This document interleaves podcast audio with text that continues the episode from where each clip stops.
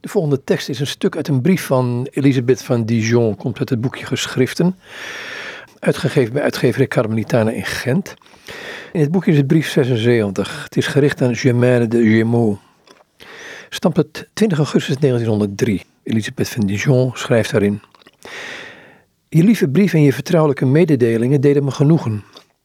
Als je de sluier van je ziel oplicht, treed ik graag binnen het intieme heiligdom, waar je alleen woont met hem die je helemaal voor zich wil. In je diepste diep bouwt hij zich een geliefde eenzaamheid. Laat er hem verpozen door zelf te rusten in hem. Luister naar wat zingt in zijn ziel en in zijn hart. Het is de liefde, deze oneindige liefde die ons omringt en ons hier beneden wil laten delen in haar geluk. Heel de drie eenheid rust in ons. Heel het geheim dat we zullen aanschouwen in de hemel. Mocht zij je thuis zijn, zusje lief. Je leven speelt zich in haar af, zeg je. Ik ben er blij om. Het mijne ook. Ik ben Elisabeth van de drie eenheid. Dat wil zeggen, Elisabeth die verdwijnt, die zich verliest, die zich laat overrompelen door de liefde van deze drie, Vader, Zoon en Heilige Geest.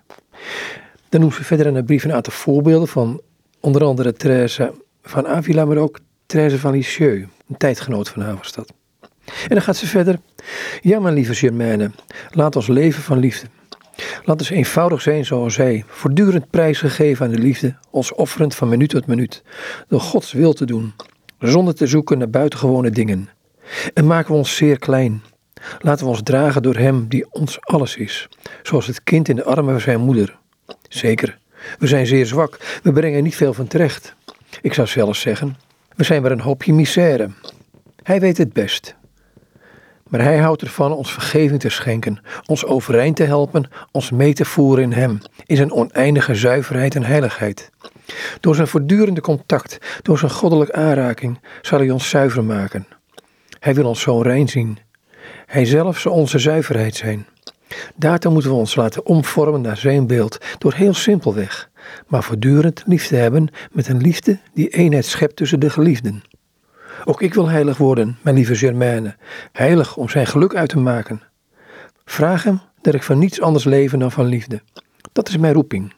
Verenigen wij ons om van onze dagen een voortdurende communie te maken. S'morgens ontwaken wij in de liefde.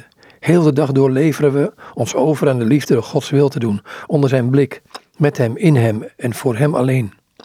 Geef ons zonder ophouden, op de manier die hij wil. Jij door je in te zetten, de vreugde te zijn van je lieve ouders.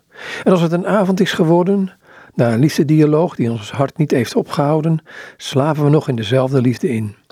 Zeker zullen we fouten, ontrouw ontdekken.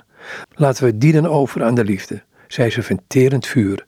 Zo doen we ons vage vuur in zijn liefde. En dan zou ik aan toe willen voegen, als de hele dag leven in zijn liefde, dan zijn het de gewone dingen als stofzuigen, je werk doen, gewoon normale dingen doen.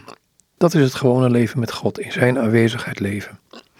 Goed, tot zover deze brief van Elisabeth van Dijon, oftewel Elisabeth van de Drie Eenheid aan Germaine de Gémeaux. Stamt uit augustus 1903. Komt uit het boek Geschriften van Elisabeth van Dijon, uitgegeven bij uitgeverij Carmelitana in Gent.